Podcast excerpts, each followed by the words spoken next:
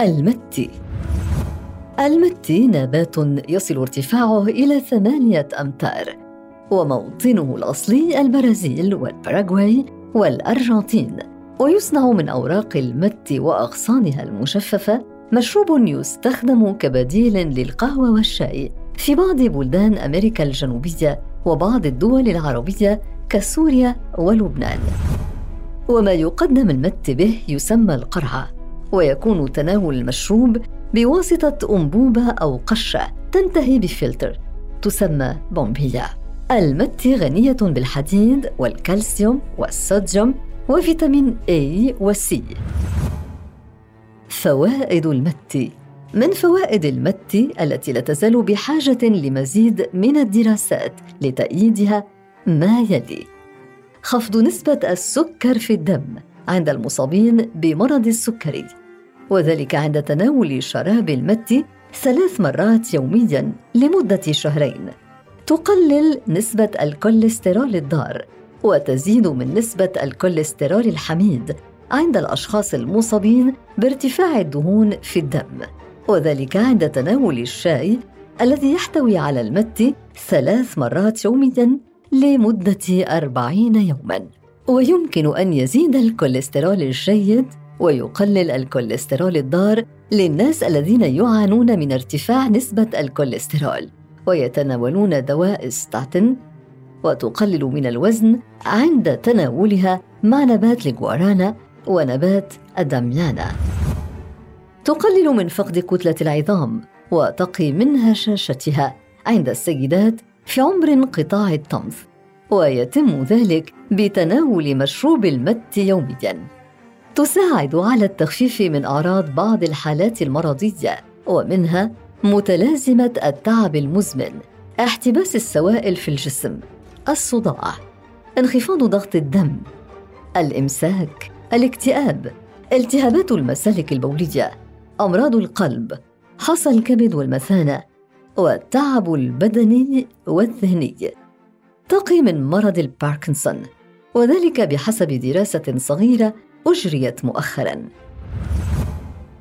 المت والسرطان.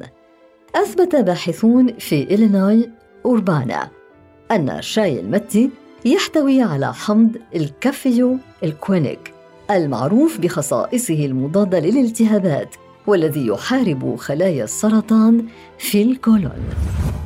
من جهة أخرى فإن الوكالة الدولية لبحوث السرطان قد ربطت بين شاي المت الساخن وكل من سرطان الفم والبلعوم والرأس والرقبة والمريء.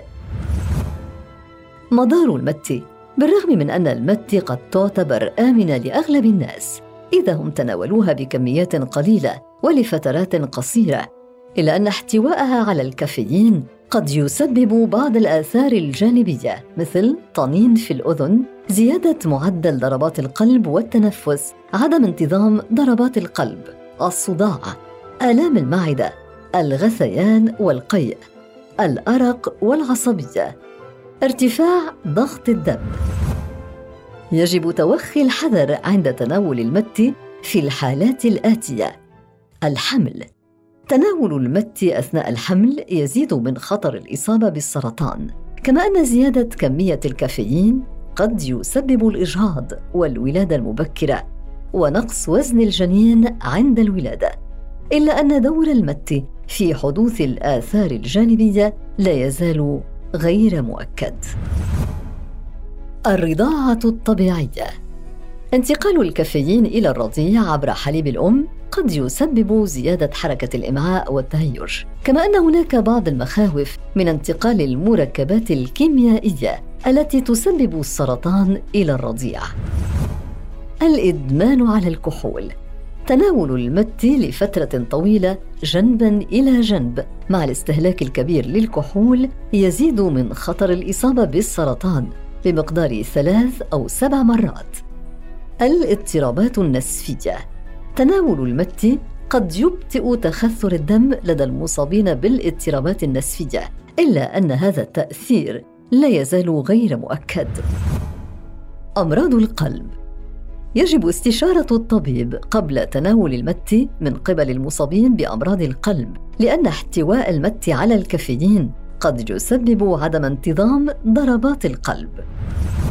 الإصابة بمرض السكري يجب استشارة الطبيب قبل تناول المت عند الإصابة بمرض السكري وذلك لوجود بعض الدراسات التي تحذر من زيادة أعراض انخفاض نسبة السكر في الدم لدى مرضى السكري من النوع الأول.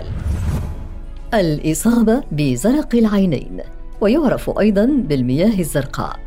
تناول المت قد يزيد من ضغط العين لدى المصابين بالزرق، لذلك لابد من استشارة الطبيب قبل تناول المت.